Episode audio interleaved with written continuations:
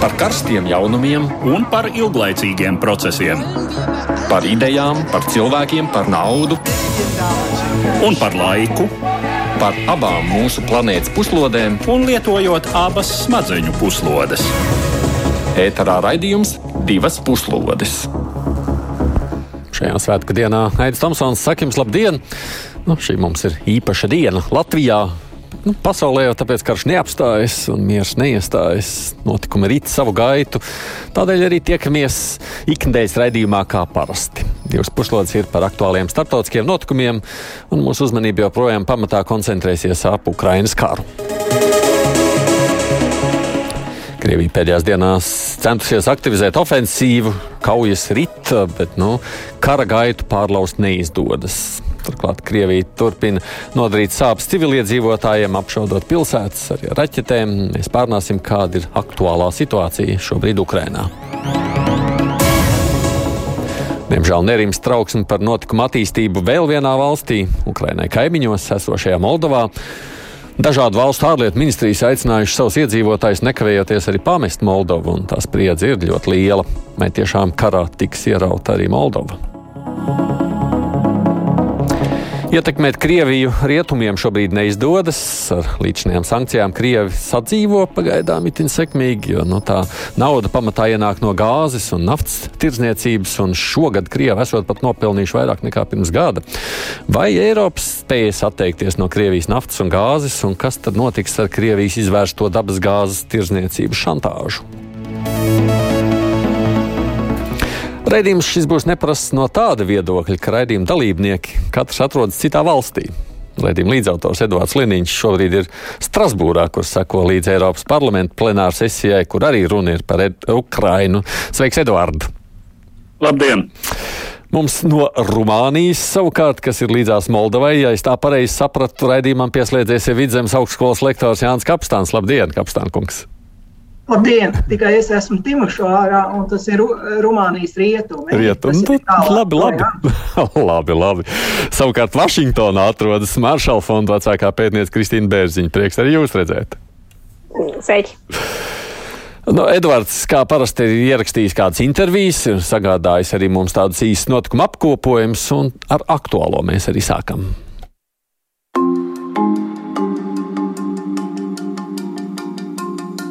Pagājusī nedēļa nav nesusi nopietnas izmaiņas Krievijas un Ukrainas kara situācijā. Krievijas spēki turpina spiedienu uz Ukraiņu pozīcijām, taču nekādu nopietnu panākumu agresora armijai nav. No otras puses, pagaidām nav pamanāms arī kādas kvalitatīvas izmaiņas, kuras varētu būt radījušas rietumu ieroču piegādes Ukrainas bruņotajiem spēkiem. Krievija turpina Ukrainas teritorijas apšaudas ar raķetēm, pamatā tēmējot uz infrastruktūras objektiem, taču šais apšaudēs te nemainīgi iet bojā un cieši civiliedzīvotāji. Starp citu, pāris raķetes sasniedza Kijevu laikā, kad tur uzturējās ANO ģenerālsekretārs Antonio Guterres. Krievija to lieliski zināja, jo pirms tam ģenerālsekretārs bija apmeklējis Maskavu, un šis Kremļa atvadu sveiciens jau izpelnījies vispārēju neizpratni un nosodījumu. Tomēr apvienoto nāciju vadītāju vizītē Kremlī ir noteikti rezultāti jo 1. maija konvojam ar ANO simboliku izdevās evakuēt no Mariupoles uz neokupēto Ukrainas daļu apmēram 150 iedzīvotājus, kuri līdz tam slēpās rūpnīcas Azovstaļa grupās. Šī milzīgā industriālā teritorija ir pēdējais patvērums Ukrāņu karavīriem, kuri jau trešo mēnesi cīnās aplenktajā pilsētā. Tiek ziņots, ka arī visus civiliedzīvotājus no turienes vēl nav izdevies evakuēt. Pēdējās nedēļas spilgtākā ir versija, ka Krievijas armijas ģenerālštāba priekšnieks armijas ģenerālis Valērijas Gerasimovs iespējams ticis ievainots laikā, kad uzturējies fronts tūmā pie Izjumas pilsētas Ukrainas ziemeļaustrumos. Uz turieni Gerasimovs varētu būt devies, lai mēģinātu uzlabot Krievijas armijas pagalam pieticīgo sniegumu. Sazvanījuši šobrīd esam arī zemesardzes stāvu pārstāvu kapteini Jānis Laidiņš. Laidiņkungs, labdien! Labdien! Kā jūs raksturot to pašreizējo situāciju Ukraiņas frontē? Nu, būtībā redzam, ka Krievijai nav nekādi strateģiskie panākumi. Mēs varam runāt tikai par taktiskajiem panākumiem. Tātad Ukrainas um, austrumos un uh, dienvidrietumos kad viņu tas plāns uh, iekarot šo Donbasu ātri ar šo otro, otro uzbrukuma vilni nav īsti sanācis. Ukraiņu fronte nav salūzusi, viņi turās, protams, Ukraiņi uh, kaut ko atdod kādas teritorijas, kaut ko iegūst, ja, nu, tā tad normāla parādība, bet uh, panākumi neteiksim, ka viņi būtu tādi, kas būtu ietekmējuši pašreiz šo uh, kaujas gaitu.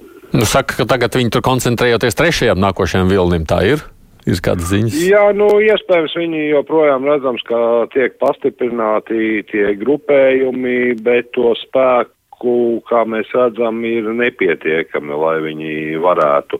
Varbūt kaut kas tuvākā laikā mainīsies, jā, jo tomēr nāk tas 9. mais un Putinam patīk šie dažādie simboliskie datumi, jā, un 9. mais, kā mēs zinām, ir, ir iecienītākais, jā, nu, skaidrs, ka viņam vajadzēs nodemonstrēt spēku. Nu, vakar, teiksim, kā mēs redzējām, notika plašs raķešu triecieni pa visu Ukrainas teritoriju. Viņi cenšas iznīcināt tātad galvenokārt šīs apgādes līnijas, konkrēti dzelzceļa infrastruktūru, pa kurien Ukraiņas bruņoties spēki saņem militāro palīdzību. Ja, nu, tas ir tas, ko viņi vakar mēģināja darīt, teiksim, būtībā terorizēt uh, visu lielāko daļu Ukraiņas teritorijas ar šiem raķešu triecieniem. Nu, tas varētu atturēt vismaz vai nobremzēt šo rietumu solīto ieroču pienākšanu. Nu, tas varētu bremzēt, protams. Ja mēs redzam arī pie Odesas dienvidu rietumos, viņi deva triecienu šim tiltam, kas sadala Odesas apgabalu divās daļās, kur ir līnija no Rumānijas dzelzceļa, kur viņiem ir izdevies šo tiltu bojāt. Nu, protams, tas samazinās iespējams kādas apgādes tempus, bet neizskatās, ka tas būs izšķirīgi ar šiem latviešu triecieniem, ka tas ilgtermiņā, teiksim, dos kaut kādus panākumus, lai šo apgādi mazinātu. Mm. No, nu, jebkurā gadījumā tos ieročus gaida, un laikam kaut kas ir ieradies, kaut kas vēl nav ieradies. Kā izskatās, izdosies beigās panākt to lūzumu ar rietumu piegādēm? Visnoteikti jā, jo tas ir skaidrs, ka Ukrainai šie ieroči ir nepieciešami, sevišķi artilērija. Mēs redzam, ka tas lielā mērā ir artilērijas karš. Uh, svarīga ir gaisa telpas drošība, un uh, redzam to, ka um, karš jau pāriet jaunā tehnoloģiskā fāzē, jā. Un Ukrainai tagad uh, pieder šīs um, tehniskais pārsvars, kas ir uguns jaudā, jā. To mēs redzam, bet, nu, pirmais viņiem ir noturēt šo fronti, lai pēc tam varētu domāt par, par kaut kādām pretarbībām, par kādu pretuzbrukumu, jā. Mm, kas visticamāk jūs domājat, ka būs? Mēs domājam, ka būs, bet pirmais galvenais ir noturēties šo, izturēt šo Krievijas spiedienu, sa, saformēt spēkus, jā, un, un, protams, daudz jau runā, kas varētu būt aktuāls līdz šim 9. maijam, un tas tāds izšķirošais mm -hmm. datums, jā, tā viņu tiek uh, daudz runāts, jā, un, Un tie scenāriji, kas uh, Krievijai ir vajadzīgs, jā, nu, viņiem jā, jānodemonstrē kāds spēks, jā, bet uh, nav zināms, kas Kremļa saimniekam varētu piedāvāt, jo līdz šim brīdim nekādas uzvaras nav, jā. Un mhm. līdz ar to ir daudz gan, diezgan ierobežojas opcijas. Nu, pirmā, pirmais, kas varētu būt aktuāls, tā ir Doņetskas un Luhanskas republikas pievienošai Krievijai. Šādu scenāriju nevar izslēgt. Otrais daudz aprunātā Moldova lai gan redzam šī Krievijas aktivitāte Piedņestrā un Melnās flotas aktivitātes, šāds scenārijs būtu diezgan muļķīgs no Krievijas mhm. puses. Jā. Mm -hmm. Un trešais, protams, ir šī daudz apspriestā mobilizācija. Redzam, ka Krievijas propagandas kanālos var dzirdēt vienu scenāriju, ka Krievija vairs nekaro ar Ukrainu, bet ar NATO bloku un visi šie nacisti un fašisti, kas tagad Krievijai ļoti aktuāls. Jā. Nu, ņemsim kaut ar šo mobilizāciju. Ja vairums Krievijas iedzīvotāji sēž pie TV ekrāniem un klausās, kā norit speciāla operācija. Ukrainā šiem cilvēkiem notiekušies atgādina tāds kā scenārija, seriālu, jā, kur katra sērija beidzas labi. Jā. Mm -hmm. Bet tiklīdz patiks pasludināt mobilizāciju, daudziem no viņiem vai viņu radiniekiem nāksies braukt uz kaujas lauku, kur it kā norit šī veiksmīgā speciālā operācija, un tad šis karš ienāks no televīzora Krievijā pašā iekšā. Un tad viņi sapratīs, ka kaut kas nav. Un līdz ar to visticamāk, mobilizācija varētu dot pretēju efektu. Hmm. Jā, nu par šo būs droši vien kaut kad arī atsevišķi. Paldies, es jums saku, Slaidīņa kungam Jānis Slaidīņš, kurš ir uh, zemesardzes štāba pārstāvs un arī kapteinis. Uh, droši vien, ka mazliet par mobilizāciju mēs varētu paskatīties nākošajā nedēļā, Eduardi, jau skatoties, kā tie notikumi ir attīstījušies, bet vispār, nu redz, tas 9. mājas, nu šīs ir tagad tuvākās dienas. Kristīna, kā jums šķiet, ko mēs sagaidīsim nākamajās tuvākajās dienās? Pirmkārt, ja turpinās eh, no, no Kremļa puses, no Krievijas puses vēlme kaut kādu uzvaru tādu nozīmīgu uzvaru izcīnīt Ukrainā. Tāpēc jau ir tas lielais spiediens uz rietumiem, uz, uz dienvidiem un uz austrumiem. Un, eh, tā, ja to varētu, ja būtu vēlēšanas, es teikšu, tā, tā pēdiņās vēlēšanas, kaut kāda veida um, kvazi vēlēšanas, sudo vēlēšanas Donbasā, Luhanskā, kas tas varētu būt kaut kas tāds simbolisks un nozīmīgs. Uzvara kādā lielā pilsētā būtu simboliska un nozīmīga, bet ja tas nenotiks, ja tomēr Ukraina var atvairīt Krievijas uzbrukumus, tad jautājums, vai 9. mājas ir kaut ir moments, kad notiek mobilizācija, kad deklarējam nevis speciālo operāciju, bet kad notiek atklāts karš, ja, ka mainās retorika Krievijā. Tas varētu, tas varētu tā būt. Ja, ja nav vēl uzvara sasniegta, tad, tad tas ir tas mirklis, kad Putins sasauc valsti un saka, tagad mēs iesim uz uzvaru. Vai tas tā būs? Redzēsim. Ja, bet tāpēc tie scenāriji tādi mainu ātrāk, cik vien ātri iespējams kaut ko vēl šonadēļ sagrābt Vai nākamnedēļ teikt, nu, tagad tā, tā, tā bija tāda spēlīta tikai, ja? tagad mēs tam nopietni pieiesim. Tad redzēsim, kura puse būs tā, tā noteicošā un kāda vēl motivācija un faktori Krievijai būs jāņem vērā, kas varbūt atvairītu viņu no tādas masu mobilizācijas vai lielā kara domāšanas. Jā, kā jums šķiet, ko var sagaidīt? Jā, Pirmkārt, jāsāk ar 9. māja faktoru, ka tas uzliek ļoti lielu stresu Krievijas armijai. Tad liels stress, ka ir steidzami jāgūst šie panākumi. Un man izskatās, ka, piemēram, varbūt tādā veidā var arī izskaidrot, kāpēc atsākušies ir uzbrukumi Mariupolē. Nu, tai rūpnīcai, kur Azov bataljons un citas vienības aizstāvās. Man jo pirms tam taču paziņoja, ka bloķēs to rūpnīcu un nekādu uzbrukumu nebūs. Bet uh, vismaz vakar taču kaujas un uzbrukuma atsākās. Nu, šeit ir šis 9. maija faktors. Tālāk, uh, tad, kad tika izsludināta šī ofensīvas sākums, tātad pēdējās divas nedēļas Donbasā, šeit militāri faktiski Krievija neko nav sasniegusi. Nu, pat ja tur daži kilometri ir kaut kur pavirzījušies, faktiski rezultāti nav. Diplomātiski, ja mēs skatāmies, tad pavisam svaigi notikumi, ka Krievijas ārlietu ministrs Laurovs ir pamatīgi izgāzies, pamatīgi ar šiem izteicieniem, kur viņš pielīdzināja, nu, teiksim, nu, salīdzināja ar Adolfu Hitleru un tam līdzīgi. Tas, ko Izraela padarīja par nacistisku valsti. Jā, jā un es tāpat brīnos, nu, es nezinu, tas ir stulbums vai kā. Es, es atvainojos par tādu vārdu? Nu, it kā Lauros ir ļoti pieredzējis ārlietu ministrs jau ļoti ilgstoši, bet šeit viņš ir galīgi izgāzies, jo, protams, kā Izrēlā tas sacēla milzīgi trāci, tagad mēs redzam, ka, ja sākotnēji Izrēla centās spēlēt ja palikt tāda kā neitrāla, nu, tur Izrēlai savas intereses saistībā ar Hezbollah un citiem citiem spēkiem, tad eh, tagad Izraela jau sliecās, ka tomēr varētu arī ļaut Ukrainai piegādāt ieročus un, piemēram, atļaut arī Igaunijai piegādāt uh, Izraels ražotas ieročus. Ne? Tā kā šīs lietas, nu, es domāju, ka Krievija šeit pamatīgi zaudē. Un vēl pēdējo tādu momentu es gribētu pieminēt.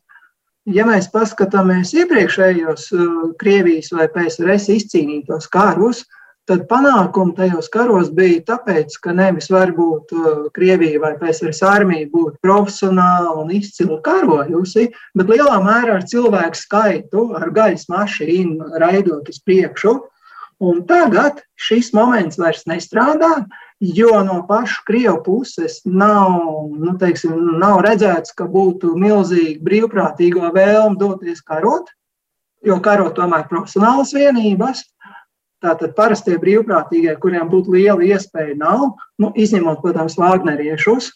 Un pretī ir Ukrāņi, kas ir gatavi nest ļoti liels upurus, ļoti dārgi maksāt, bet, kā viņi saka, cīnīties līdz pēdējiem, un viņiem jau arī nav ko zaudēt.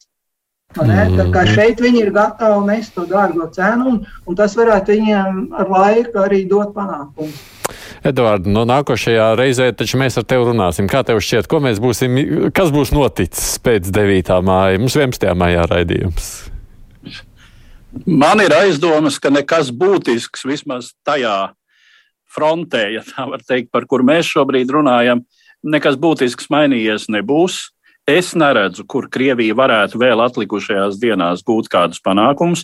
Nav arī nekādu indikāciju, ka Krievija eh, koncentrētu kaut kur pietiekami lielus spēkus eh, izšķirošam triecienam. It kā artilērija vairāk tā, tur kaut kur tur bīdot. Jā.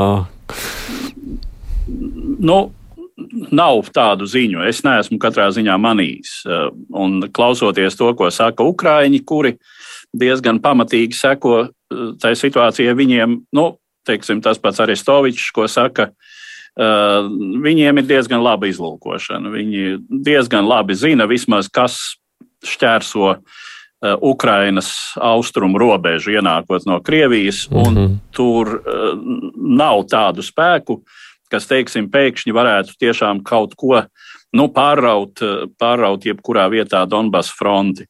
Nu, tad ir jā, visas šīs spekulācijas. Starp citu, Lavrovs pirms kāda laika izmeta tādu frāzi, ka nē, nē, mēs netiecamies pēc datumiem, mums nav kaut kādu grafiku. Tā kā nu, vispār viņš tādu drusku indulģencīti jau ir nopircis idejiski, ka uh, varētu nebūt nekāda uh, šobrīd uh, militāra uzvara, Nu, un tad visas šīs spekulācijas par to, ka jā, varbūt eh, varētu mēģināt nodibināt uz to brīdi to, ko Krievu abreviatūrā dēvē reizēm par uh, HERNR, Hersonas Tautas Republiku.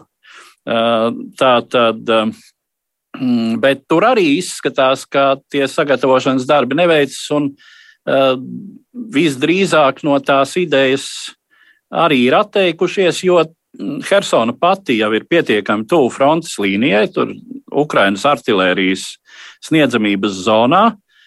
Un, ja tur sāk, nu, nu, tur kaut kas ir jādara, nu, kaut kā līdz vēlēšanu iecirkņiem, kādam tur kaut kādam tusiņam ir jānotiek. Ja? Nu, nevar visu tīri virtuāli darīt. Es tā domāju. Ja? Un, ja pie šiem vēlēšanu iecirkņiem uh, vienā variantā tur sapulcējas eh, vietēji iedzīvotāji ar Ukrainas karogiem un attiecīgiem lozungiem, un viņi ir jāizdzenā. Eh, un, un tādā veidā šis process mierīgi varētu tikt absolūti arī nu, diskreditēts un, un neiznākt. Nu, otrs variants, kā Ukrainas bruņotie spēki vienkārši izvirza tā sacīt argument, pretargumentus, atkal jau citējot Aristoviču, kurus mums visiem patīk, izvirzot pretargumentus eh, kalibrā 155 mm. Mm. Tas ir haubicis. Laba, labākais, šobrīd labākais haubicis izmērs. Bet nu, tas, ko sacīja Laidinkungs, nu, viņš te pieminēja vēl vienu, ka viņš teica, tas būtu liela muļķība, stāstot par to, ka varētu izprovocēt tālākos notikumus runājot par Moldovu.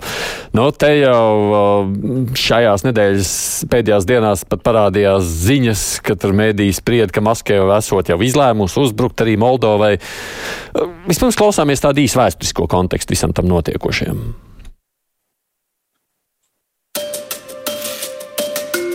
Piedņestras iesaldētā konflikta saknes meklējamas laikā starp abiem pasaules kariem, kad mūsdienu Moldovas republika bija Rumānijas sastāvdaļa. Savukārt robežu upes Dņestras kreisajā krastā, toreizējās Padomju Savienības teritorijā, pastāvēja Moldāvijas autonomā padomju republika. Pēc Moldāvijas aneksijas 1940. gadā padomju vara lielāko daļu no bijušās autonomijas pievienoja jaundibinātajai Moldāvijas PSR. Jau tobrīd Moldāvu iedzīvotāji šai teritorijā bija labi ja puse, un padomju varas periodā pārkrievošanās process turpinājās. Padomju Savienībai brūkot un Moldovai iegūstot neatkarību, pamatā Krieviskajā Piedņestrā sākās separātisma kustība. Konfliktā starp jaunās Moldovas valsts spēkiem un separātistiem iejaucās tur izvietotais Krievijas armijas kontingents, un rezultātā Piedņestra tā arī palika starptautiski neatzīta, bet no Kišiņevas valdības de facto neatkarīga valstiņa, kura pastāvēšana balstījās Krievijas armijas klātbūtnē un ekonomiskās saiknēs ar Krieviju. Pēc 2014. gada Krievijas agresijas pret Ukrainu Piedņestra nonāca diezgan dziļā izolācijā, un Krievija zaudēja iespēju normāli apgādāt un papildināt savu militāro kontingentu pašpasludinātajā republikā. Šī kontingenta salīdzinošais vājums, kā arī tas, ka samērā daudzi Piedņestras iedzīvotāji ir Ukrainas pilsoņi, licis neatzītās valsts vadībai distancēties no Krievijas agresijas pret Ukrainu. Tomēr pagājušā nedēļa atnesa satraucošas ziņas. 25. aprīlī trīs nenoskaidroti vīrieši apšaudīja ar granātmetēju Piedņestras Republikas drošības dienesta ēku galvaspilsētā Tiraspolē. Vēlāk sprādzienu nogranda kādā no militārajām bāzēm pilsētas pievārdā apkārtē, bet nākamajā dienā tika uzspridzināti divi radiotranslācijas torņi, no kuriem tika pārraidīta vietējā ražojuma un Krievijas propaganda, tā skaitā uz tūmā esošo Ukrainas un Moldovas teritoriju. Šie notikumi vieš bažas, ka Piedņestra varētu kļūt par vēl vienu fronti pret Ukrainu un iespējams arī ievilkt Moldovu šai karā. Atgādina, raidījumā piedalās gan Maršala fonda vecākā pētniece Kristīna Bērziņa, gan arī Vidzemes augstskolas lektors Jānis Kapstāns. Nu, mēs ar Eduardu Liniņu esam katrs savā studijā. Jā, nesat Rumānijā, vispār tur jūtos spriedzi šobrīd, tomēr tu kaimiņos. Šeit konkrēti Timošārā absolūti nejūt, okay. jo šī ir ļoti tālu no iespējamās frontes līnijas, ja tā varētu teikt. Šeit dzīve rit savu mierīgu gaitu, silts laiks, absolūti nejūt. Es gan mhm. parunājos ar universitātes eh, vietējiem kolēģiem, un speciāli viņiem pajautāju, nu, tik vien, ka televīzijas ziņās ir par politiskiem notikumiem ir kaut kādi komentāri, bet nu, tas ir mm. rumāņu valodā, tas man nav saprotams. Bet tas ārēji, ārēji nevienīgs, ja. Bet vispār pats par sevi, ja, nu tajā gaisā virmo, nu jau cik dienas tādā starptautiskajā ziņu uh, apritē, ka teju teju varētu sākties arī Moldovā. Bet ir skaidrs, kas to uzsāk, kas pret ko karot, kāpēc. Jā, tātad eh, šeit ir vairāki momenti. Ja mēs skatāmies eh, militāri, tad eh, faktiski Krievijas spēki Piedņestrā pašlaik nu, nav īpaši stipri. No, no tāda viedokļa kā liela jēga kā nebūtu. Būtu vajadzīgi pastiprinājumi. No otras puses, atkal šeit ir diezgan strateģiskā vietā šī te teritorija. Un, protams, ka Krievijas plānos būtu viss tas dienvidu koridors, Mariupola, Odesa un aiziet līdz Piedņestrai. No tāda viedokļa viņiem būtu liels intereses kaut ko darīt, vai ne? Un skaidrs ir, ka tas, ko mēs tagad analizējam, nu, tie mūsu pieņēmumi, mēs jau precīzi nezinām, kā Krievijas vadība rīkosies. Bet tā kā Krievijai intereses būtu, bet jautājums, vai viņiem ir resursi, potenciāls kaut ko nopietni izdarīt. Nu, nevar taču vai ne Kristīna Krievija vienkārši uzbrukt vēl Moldovai. Viņa jau tur netiek ar Ukrainu galā. Vai tas būtu gudri? Varbūt tas nebūtu gudri. Tas nenozīmē, ka tas nav iespējams scenārijs arī uz priekšu. Vai Krievija spētu šobrīd uzbrukt Moldovai un izcīnīt uzvaru? Man liekas, tur ir lielāka skepse, vai tas ir iespējams, vai tas nav. Bet vai tas tajā pašā laikā, vai bija gudri uzbrukt Ukrainai, tas arī redzi, kā neiznāca. Ja, bet tas, ka varbūt tās izredzes izcīnīt uzvaru nav lielas, nenozīmē, ka Krievija neuzbrūk. Ja, varbūt ko, ko Krievija ir iemācījusies pēdējo divu mēnešu laikā, ja, tas ir tas ir lielākais jautājums. Vai viņi uzskata, ka tāpēc, ka nebūtu uzreiz noteicoša uzvara, vai tas ir iemesls turēt tur kaut kādu mieru, neuzbrukt, drusku pagaidīt, varbūt jau nāk frontes līnija, viņiem nāk arvien tuvāk Odesai, tad ir brīdis, kad tas būtu izdevīgi. Vai arī no otras puses, ja Krievija uzsāk kara darbību citā valstī, vai tas arī Krievija, Krievijas pilsoņiem parāda to, o, redzi, kā nav tikai jautājums par Ukrajinu, tas ir kaut kas plašāks, tas arī ir par Moldovu. Redzi, kā mēs tagad, vai tas izrāda kaut kādu spēku izpausmi Krievijas tautai, pat ja tur nav uzvara. Ja man tas gudri tas nebūtu. Ja, šobrīd neizskatās, ka tur būtu uh, lieli panākumi, bet tas radītu destabilizāciju. Un ņemot vērā, ka Kremlis ir arī iepriekš centies radīt destabilizāciju, kaut jebkur viņiem interesantās kaut kādās ar viņus, viņiem saistītās valstīs, vai tas būtu nolūks kaut kā tomēr mūs patricināt, mūs nobaidīt. Jā, tas ir mūsu NATO valstis, Eiropa vēl vairāk varbūt tādā ziņā, bet tīri tā no militārā viedokļa, varbūt tas nebūtu šajā momentā visgudrākais nākošais solis.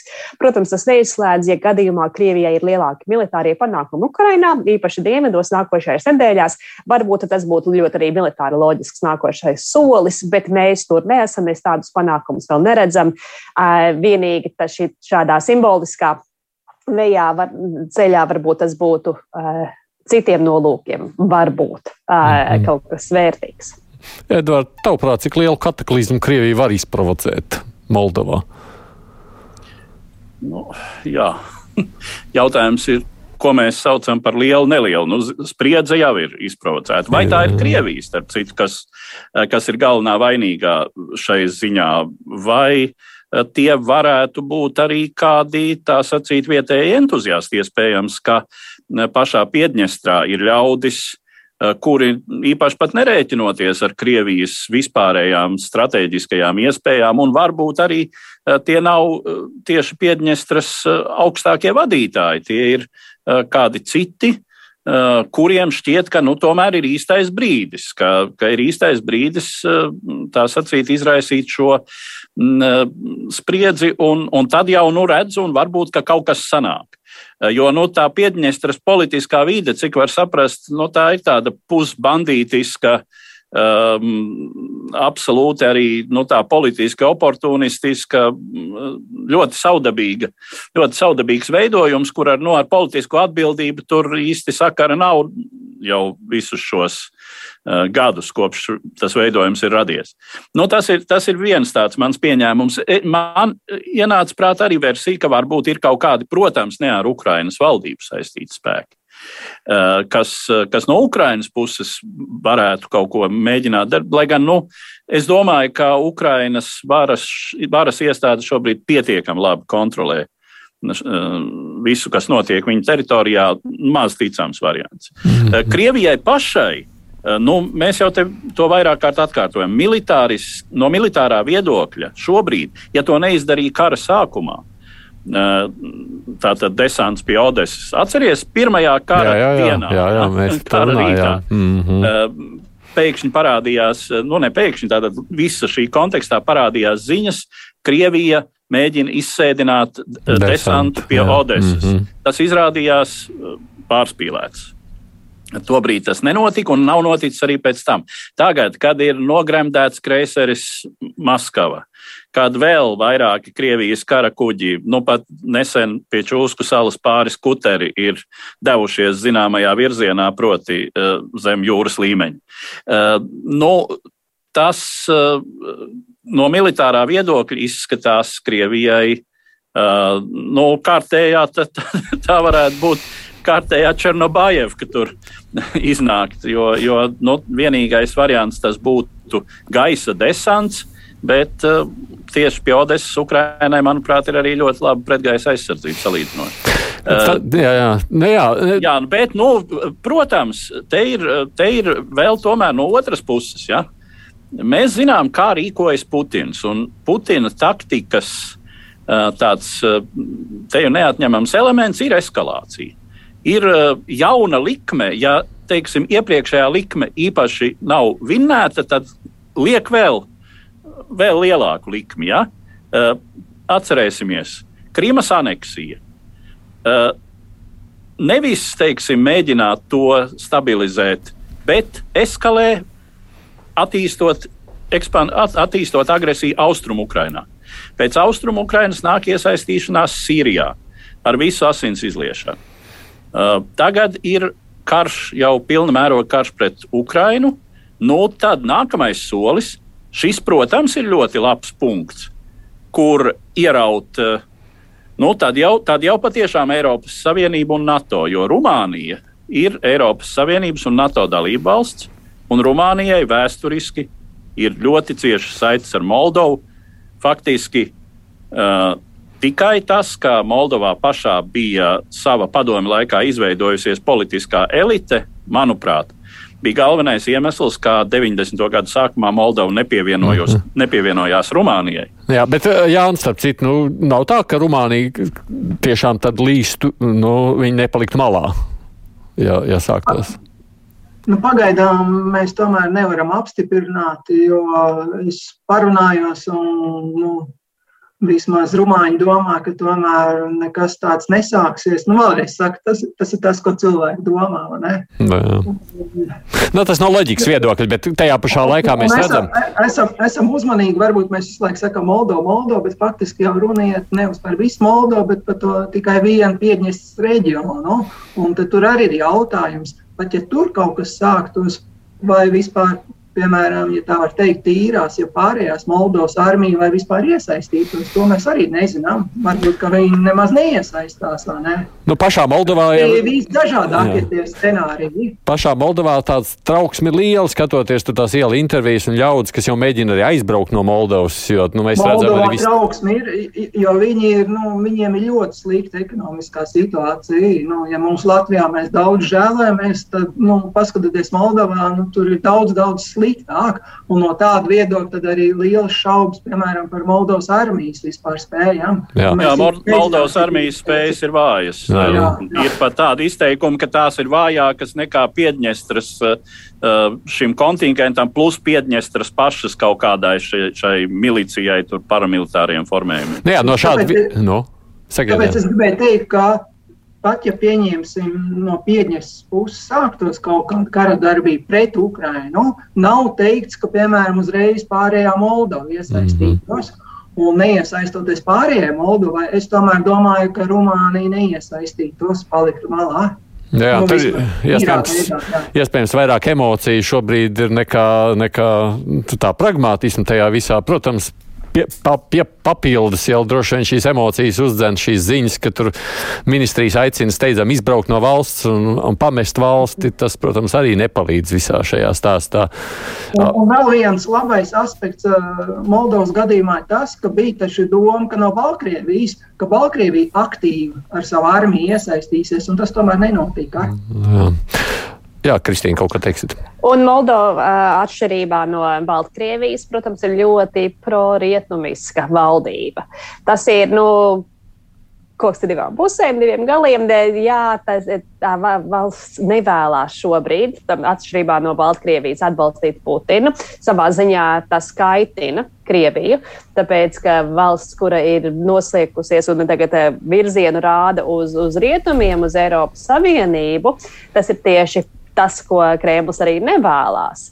Bet jā, tāda doma, ka, piemēram, Moldova vēlētos iesaistīties, man liekas, Moldova centīsies savā ziņā noturēt savu neatkarību, sevi nodrošināt un mēģināt norobežoties. Cik tas ir iespējams, protams, ir cits jautājums.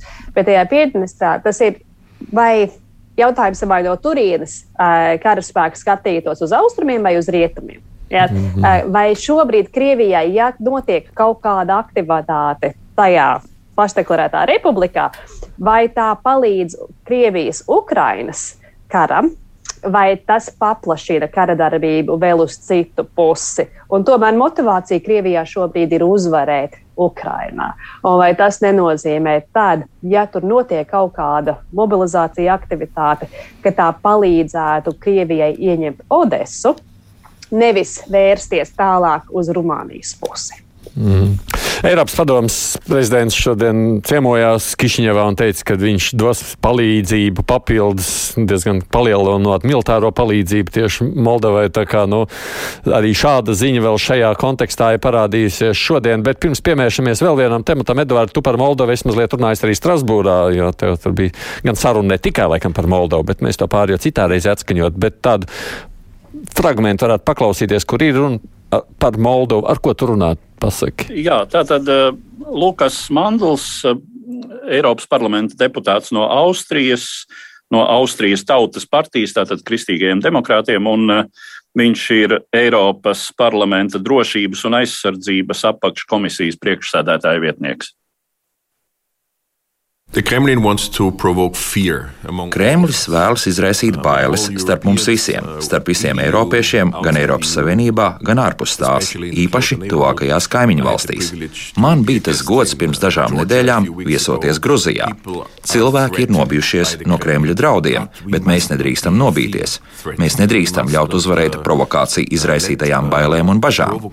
Tad tā būtu, kā teikt, Kremļa spēle, un tāds ir arī mans lūgums Moldovas Republikas iedzīvotājiem iedzīvotājiem. Bet vispirms ļaujiet man izteikt atzinību Moldovas tautai, kur katru dienu rūpējas par daudziem bēgļiem, kur cenšas noturēt savu valsti pret šiem pastāvīgajiem Kremļa draudiem. Un es arī vēlos uzsvērt, ka Moldovai visticamāk būs izšķiroša loma ļoti svarīgā jomā Viens no šī Kremļa agresijas kara papildus triecieniem ir pārtiks trūkums ne tikai Ukrainā, ne tikai tuvākajā apkārtnē, bet visā Ziemeļāfrikā, dažviet Eiropā un tuvajos austrumos. Un viens no iemesliem ir tas, ka šī kara dēļ tiks pārautas graudu un citu pārtiks preču piegādes ķēdes, un Moldovai, pateicoties tās tuvumam Donavas upei, var būt izšķiroša loma, un šī ir joma, kurā mums būs cieši jāsadarbojas ar Moldovu, jo pretējā gadījumā mēs piedzīvosim badu ja mēs nerīkosimies tagad un nenodrošināsim sevi un pasauli šim krīzes aspektam. Un mēs pieredzēsim arī jaunus migrācijas viļņus no iepriekš minētajiem reģioniem - Ziemeļāfrikas un Tuvajiem Austrumiem. Un tāpēc mums ar šo jomu nākas daudz nodarboties. Un šī cita starpā ir viena no svarīgākajām jomām sadarbībā ar Moldovas republiku.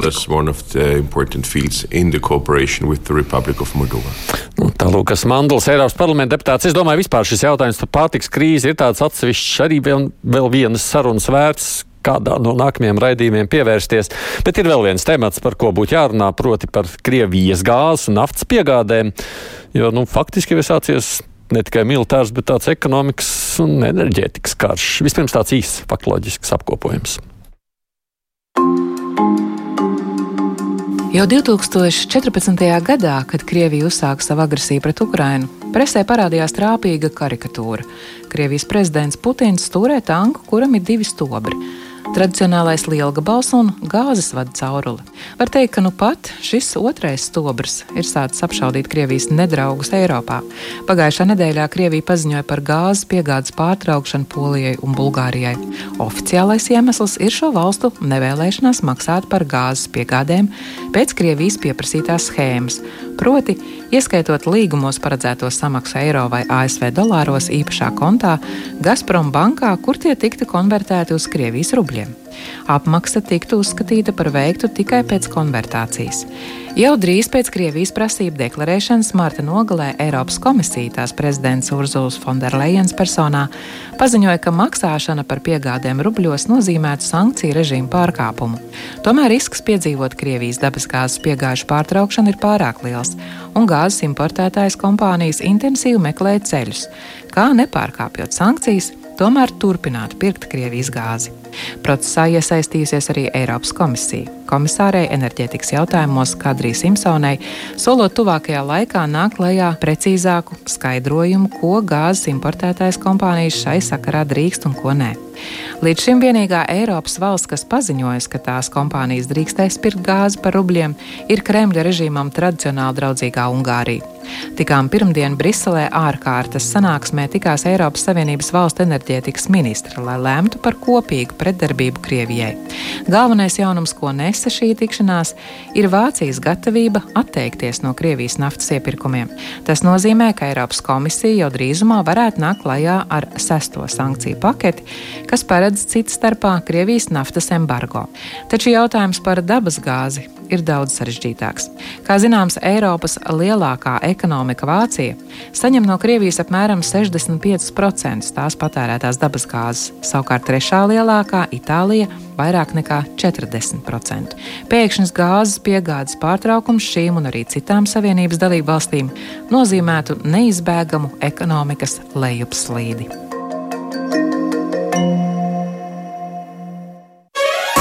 Divas puslodes! Nu, būtībā tā saruna jāsala divās daļās. Viena tātad par Krievijas centieniem panākt šos maksājumus rubļos un gāzes krāna aizgriešanu, tad otra par Eiropas sankcijām un atteikšanos no Krievijas piegādēm.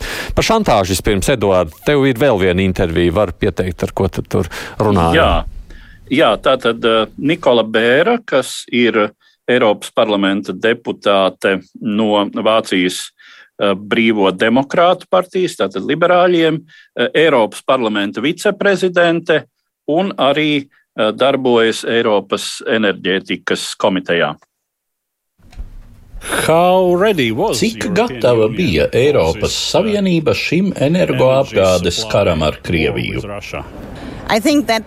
Es domāju, ka šajā gadījumā Eiropas Savienība reaģēja ļoti ātri. Mēs redzam, ka mēs jau nākamajā mirklī reaģējām pret šo agresīvo Putina karu Ukrainā. Mēs atbalstām Ukrainu visos iespējamos līmeņos, un jā, mums ir jābūt gataviem patiešām totālam visu enerģijas avotu embargo. Bet mēs tagad darbojamies kopā, lai nodrošinātu infrastruktūru, lai atrastu citus piegādātājus, un es domāju, ka mēs esam šai ziņā uz pareizā ceļa on a good way for that.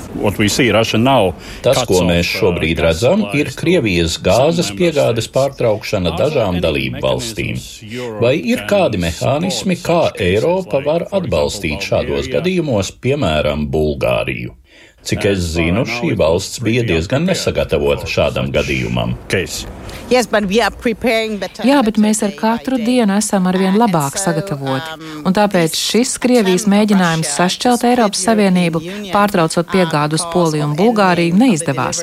Tas bija skaidrs un spēcīgs signāls no vakardienas enerģētikas ministru sanāksmes, un tā tas būs, ja Krievija jebkurā laikā pārtraukt arī citas piegādes citām valstīm.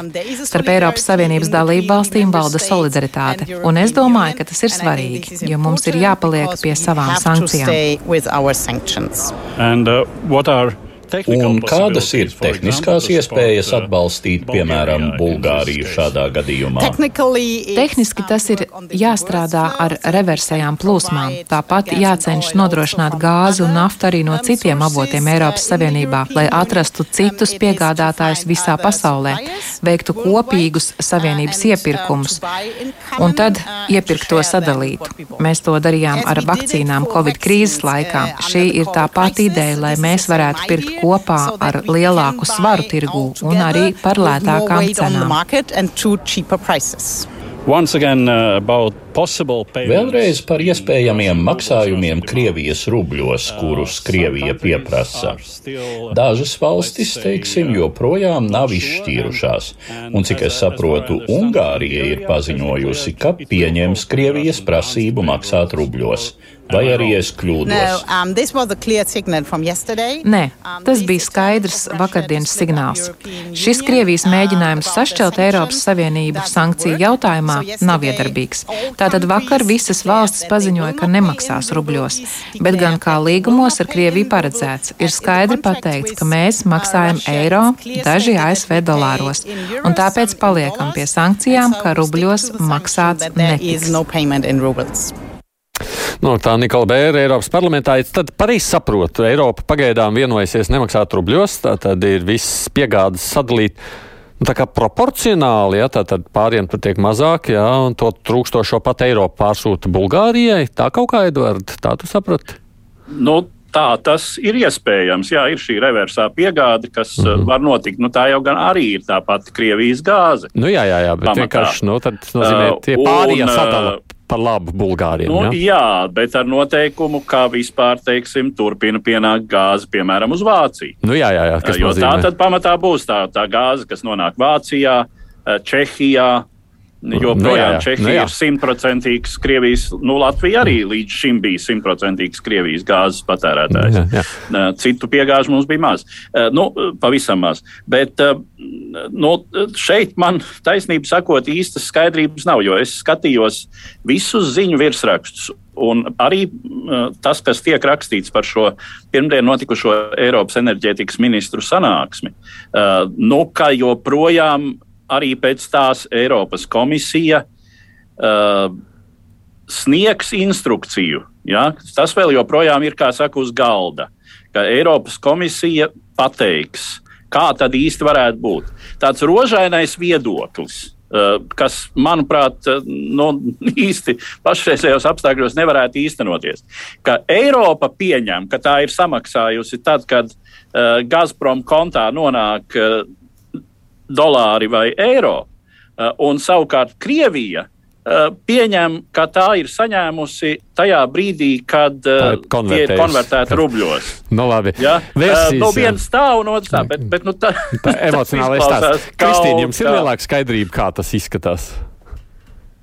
Izskatās, ka, ka, ka lielvalstis Eiropā cenšas iziet no situācijas eh, ar šo, ar šo jautājumu, kurā brīdī viņi jau vairāk nav atbildīgi par to naudu. Tajā brīdī, kad ieskaita savus eiro Gazprobankas kontā, tad viss darījums ir slēgts. Un Krievija saka, ka darījums mums vēl turpinās vienu soli tālāk.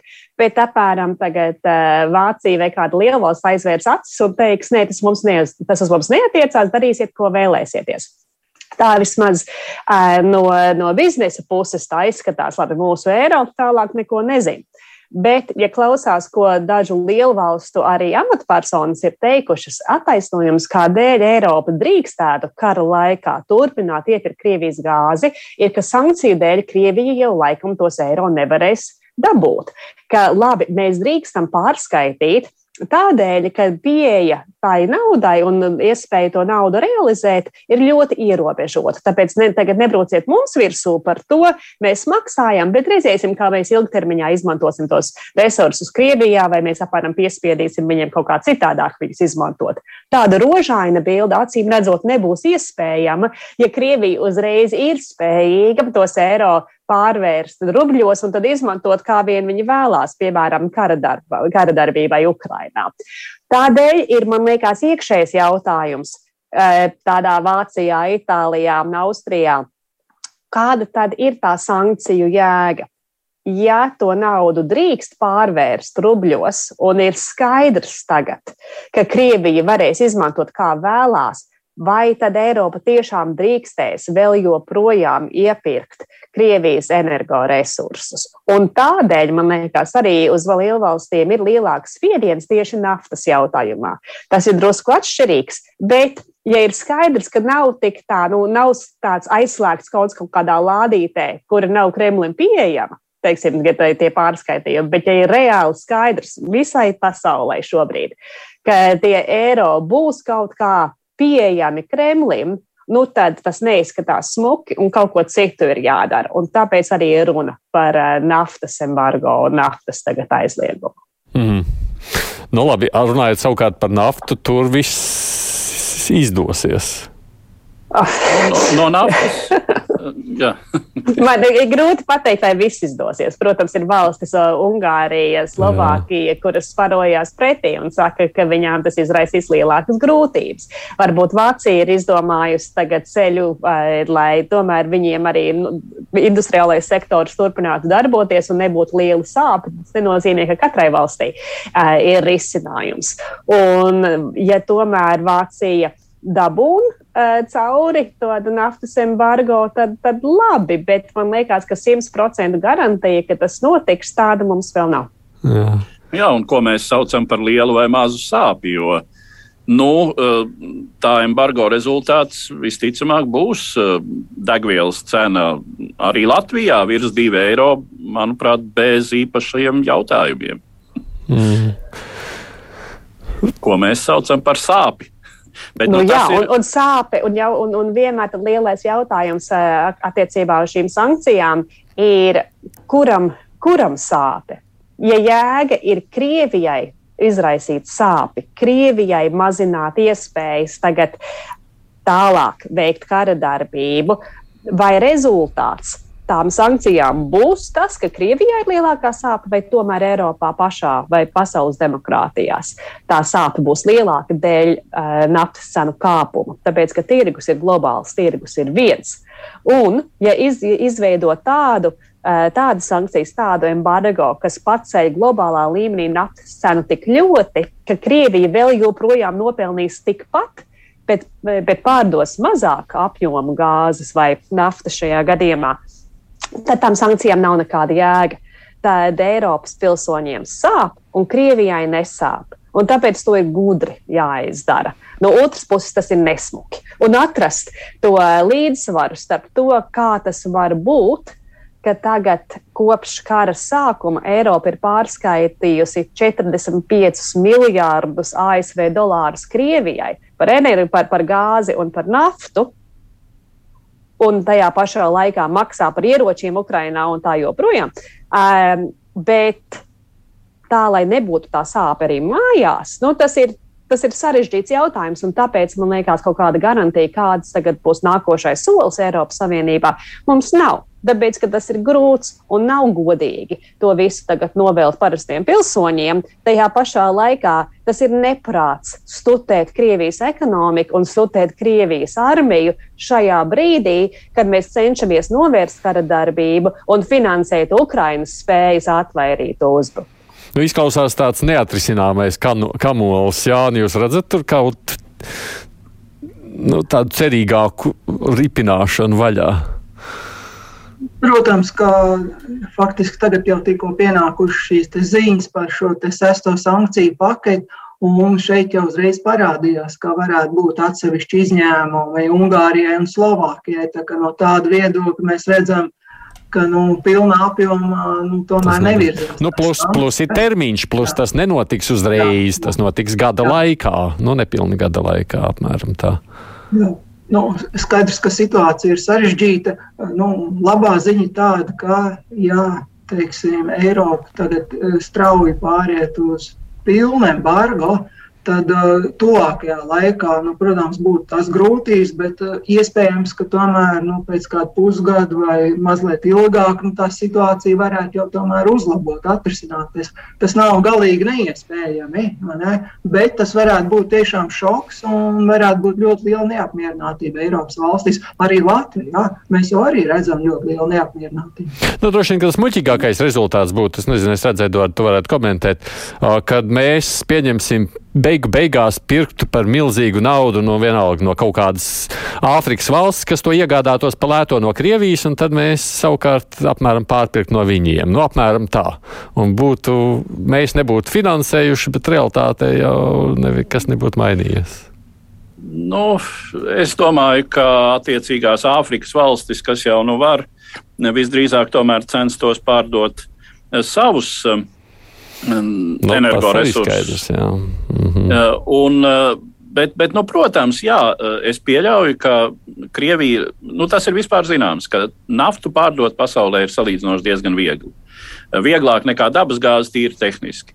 Un tādi noņēmēji kā Indija un Ķīna, protams, būs gatavi sevišķi, ja tā Krievijas nafta ir lēta. Tā kā tā ir demokrātijas nelaime, ka nu, mēs nevaram atmest tīri ētisko aspektu. Un uh, tas, ka šī Krievijas nafta ir uh, šobrīd, es tā tēlāini izteikšos, atšķaidīta ar Ukrainas bērnu asinīm, uh, tas mums ir jāpiedomā. Katru reizi, kad mēs to, kad mēs to benzīna tanka pistoli nospiežam, jā, tad Jā, bet, bet neko tur nevar izdarīt. Tas... Apmēram tā mēs šobrīd Nē, nu, tur, tur, ir, tur, tur ir, ir grūts, smags un uh, sāpīgs. Tiešām ļoti nu, sāpīgs, nērts, mums nērts. Sāpīgs ir tas, kas notiek Ukrajinā. Nu, Tur cilvēkiem tiešām sāp. Jā. Mums tās ir lielas, bet tikai nērtības. Bet pusminūtē, Kristīna, tikai pusminūtē, tas, ka tas tiek darīts tā pakāpeniski, nu nepilna gada laikā, tas varētu kaut cik to dilemmu risināt? Ne īsti. Ņemot vērā, ja tas notiek pakāpeniski, tad uh, daudz gribēs iepirkt, cik vien daudz Krievijas nafta ir iespējams pirms aizliegums stājās spēkā. Un, ja sankcijām un lēmumiem ir jēga tagad nogriezt finansējumu Krievijai un Krievijas militārdarbībai, tas, ka tagad būs baigais grābiens ķersim, kamēr varēsim, okay. notestoties Krieviju. Tas nav risinājums. Redziet, cik sarežģīta tā situācija, bet paldies jums, Maršala, vecākā, Maršala fonda vecākā pētniece Kristīna Bērziņa no Vašingtonas, Vidzemes augstskolas lektors Jānis Kapstāns no Rumānijas, Edvards Liniņš no Strasbūras un Aits Tomsons tepat Rīgas studijā. Paldies jums par iesaistīšanos. Raidījumā producēja Evi Junāma, nu, divas puslodes šodien līdz ar to izskan. Tiekamies ētrā pēc nedēļas, 9. maijs būs pagājis, mums būs par ko runāt, kā redzams, temati tiešām netrūkst. Divas puslodes!